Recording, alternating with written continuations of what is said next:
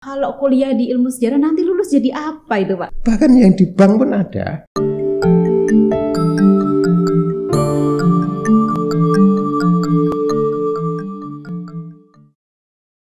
Assalamualaikum warahmatullahi wabarakatuh. Hai Sobat UNES Kembali lagi nih bareng saya Tuti Wijayanti Pada kesempatan kali ini yaitu di podcast UNES. Nah pada kesempatan kali ini saya sudah hmm, kedatangan nih seorang bintang tamu. Beliau adalah kalau saya rasa sih ya wajah-wajahnya sudah sangat terkenal gitu di mata saya maksudnya ya karena saya sering bertemu dan saya hello langsung saja saya perkenalkan beliau adalah Dr. Andes Bain M Hum ya Bapak ya. Iya. Nah beliau adalah koordinator prodi dari ilmu sejarah. Sejarah. Nah Hmm. Bapak mungkin bisa saya hello sama sobat Unes nih Pak memperkenalkan diri dan lain sebagainya ke kamera Hmm. utama ya Pak ya.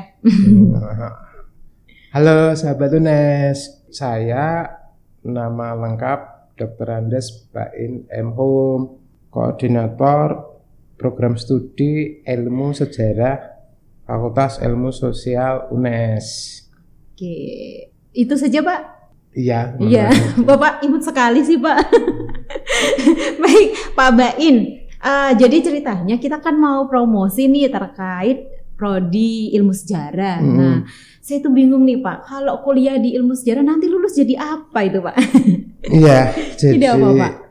eh, profil lulusan ilmu sejarah Mm-mm. UNES itu yang profesi pertama itu memang peneliti sejarah. Oh, bisa dikatakan sebagai sejarawan gitu ya Pak ya? sejarawan ya, Oke. sejarawan pemula lah Mm-mm. gitu karena baru S1 kan Mhm. begitu. Tetapi di samping itu juga ada beberapa pekerjaan lain yang sementara ini dimasuki atau ditekuni sama Lulusan dari anak-anak ini. alumni ya ilmu, Ilmu sejarah sejarah. UNES. Apa saja itu Ah, Pak? Beberapa di antaranya adalah ada yang bergerak di bidang akademisi, Mhm. misalnya menjadi dosen. Oh, dosen di mana Pak? Ada di UGM, Oh, jadi dosen di, Di- UGM lulusan iya, UNES tapi ya, ya Pak? di Keren sekali. eh, prodi kearsipan itu Mhm.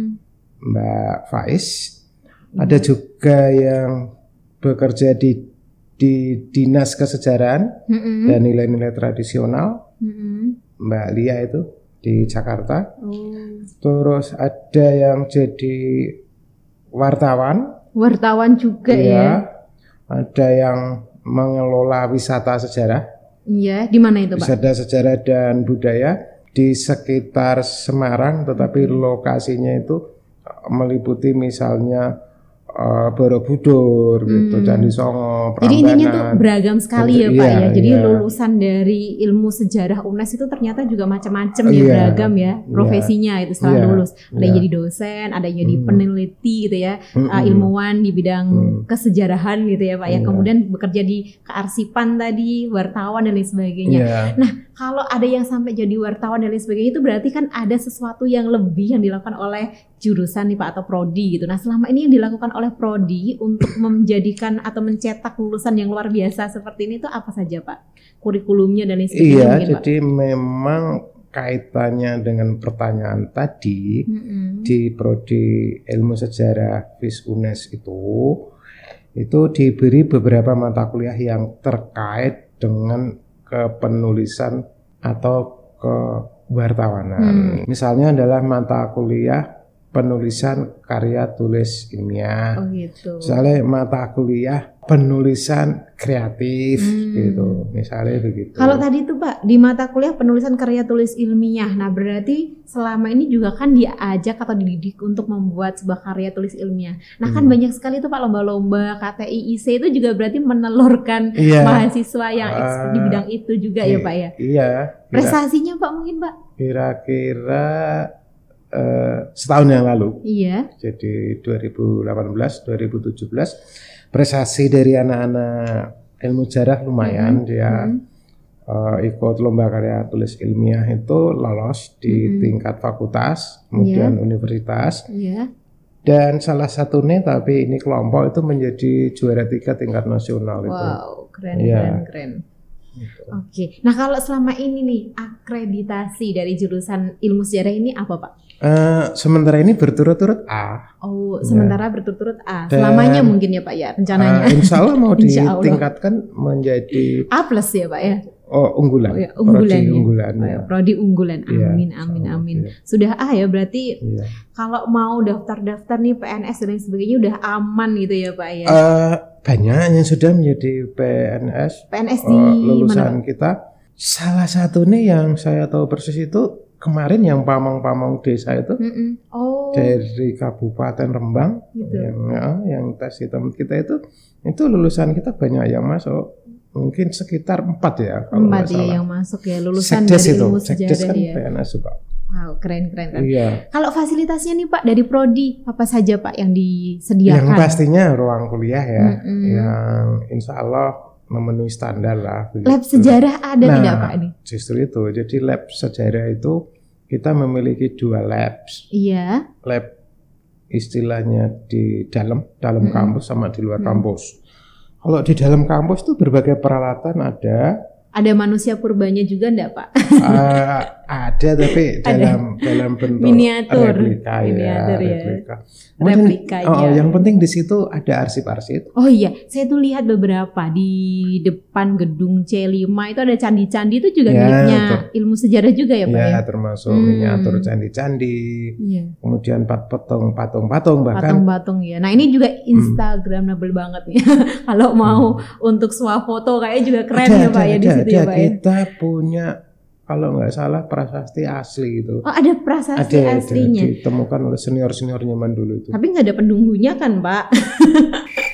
Iya, itu. prasasti. Saya kalau peninggalan zaman dahulu itu kadang, oh ada yang mendiami gitu ya makhluk enggak. selain Enggak ya Pak ya. Aman ya Pak ya. Ini enggak. berkunjung ke prodi ini aman ya, tidak Aman. akan diikuti oleh manusia Allah. purba gitu ya. aman. Aman Eh, ya.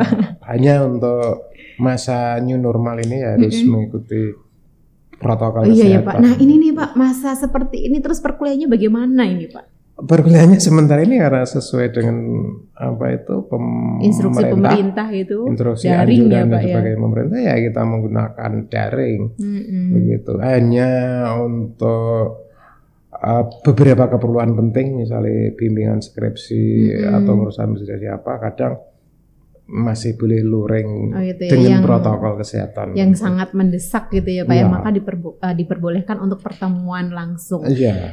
Kemudian yang selanjutnya nih Pak terkait SDM-nya. Nah, mungkin bisa diceritakan dosennya ada berapa, kemudian Hmm. selama ini profesornya sudah berapa dan Iya. juga lain sebagainya. Silakan Pak. Iya kebetulan memang prodi ilmu sejarah itu eh, bernaung di Mm-mm. jurusan sejarah ya. Mm-mm. Jadi jurusan sejarah itu sekarang ini ada dua prodi, Mm-mm. satu prodi pendidikan sejarah, satunya prodi ilmu sejarah. Dosennya sudah ada homepage, tetapi dalam hal mengajar mereka saring silang. Dari sisi profesor sudah ada satu, Prof. Mm-mm. Wasino Prof. itu. Pasino ya. Oh, WD Ah, satunya ya. FIS ya Pak ya. Eh, yang namanya sudah nggak asing terutama Sudah di mendunia ya Pak Jawa ya. Tengah terutama regional ya juga nasional begitu Mm-mm. Eh, kemudian kemarin ada dua kandidat profesor sudah Hmm. diajukan lebih turun belum turun Iya, iya. Pak Wito sama Pak Narjan itu Iya, iya. dan yang lain itu kebanyakan sudah doktor atau Hmm. kalau belum ya masih dalam Proses studi ya, seperti saya gitu. Oh iya, semoga Ya. segera lulus ya Pak ya. Nanti makan-makan saya diundang ya Pak ya. Amin. Kru podcast juga ya Pak ya. Iya. Ingat ya tim IT. Nanti akan diundang untuk makan-makan pengukuhan doktornya Iya. Pak Bain nih. Iya. Wah, Amin, berarti amin. ini sudah tahap sampai mana ini Pak? Studinya Pak? Ya tentu penyusunan disertasi ya. Oh iya. Iya. Paling tiga bulan lagi ya Pak ya selesai. Insya Allah dua kali Insya tiga Allah. bulan. Baik, yang terakhir nih Pak, pesan-kesan untuk sobat UNES. Nah, mungkin gambaran umumnya gitu ya, ayo atau Ya, ajakan jadi- untuk bergabung dan lain sebagainya. begini, eh, prodi ilmu sejarah itu kan kesannya itu itu prodi apa gitu kan, Hmm. nggak dipandang. Tapi faktanya, serius ini faktanya, lulusan kita itu boleh dikatakan tidak ada yang nganggur. Oke. Yang nganggur itu nggak signifikan. Itu kerja tadi di mana-mana itu memang dalam kenyataannya mereka tidak mayoritas jadi sejarawan itu tidak. Mm-mm. Tapi ker- bahkan yang di bank pun ada. Oh gitu ya. Satu itu Mas Tatas dari eh, Pemalang, orang Pemalang Hmm. maksud saya. Satunya itu lupa saya- eh, Mbak Dini itu di Jakarta. Itu kerja di bank. Oke. Oh, belum yang lain-lain. Ah, Jadi, jadi, intinya tuh sebenarnya lulusan walaupun di ilmu sejarah yang kadang jadi apa sih kayak tadi saya Oh. waktu tanya ya Pak apa nih Pak nanti lulusannya gitu ya Hmm. ternyata tidak melulu yang harus jadi sejarawan ya Pak ya Iya. karena di prodi ini ternyata juga diajari berbagai macam Macam-macam keterampilan gitu ya Pak ya pengetahuan, termasuk juga uh, bagaimana cara berkomunikasi dengan baik membuat sebuah Iya. karya yang baik gitu ya Iya. jiwa mungkin ada yang jadi pengusaha juga Pak Nah, di Nah, tempat itu kita juga ada dikasih mata ya. kuliah Kewirausahaan, kewirausahaan ya. di mana di situ konten yang dipentingkan Mm-mm. Bukan sekedar pengetahuan tetapi motivasi dan semangat untuk eksis, untuk maju, Oke. ya, untuk bertarung dan memenangkan dalam kehidupan ini. oh gitu ya Ya.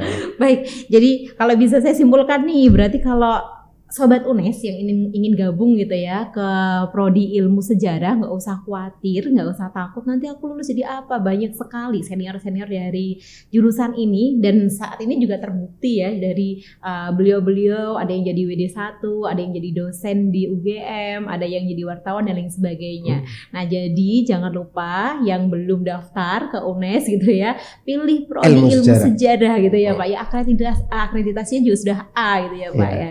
Nah, itu tuh. Jadi eh kira kurang lebih seperti itu ya sobat UNES hasil bincang-bincang saya dengan narasumber kita kali ini. Terima kasih banyak Pak Bain sudah berkenan hadir ke sini dan terima kasih juga pada sobat UNES yang sudah meluangkan waktu untuk menonton channel ini. Jangan lupa selalu pantengin terus gitu ya. Selalu tonton terus podcast UNES, channelnya di podcast UNES dan juga jangan lupa di like, subscribe dan juga komen juga boleh gitu ya. Terima kasih, selamat bertemu kembali di episode selanjutnya gitu ya Sobat UNES dan wassalamualaikum warahmatullahi wabarakatuh.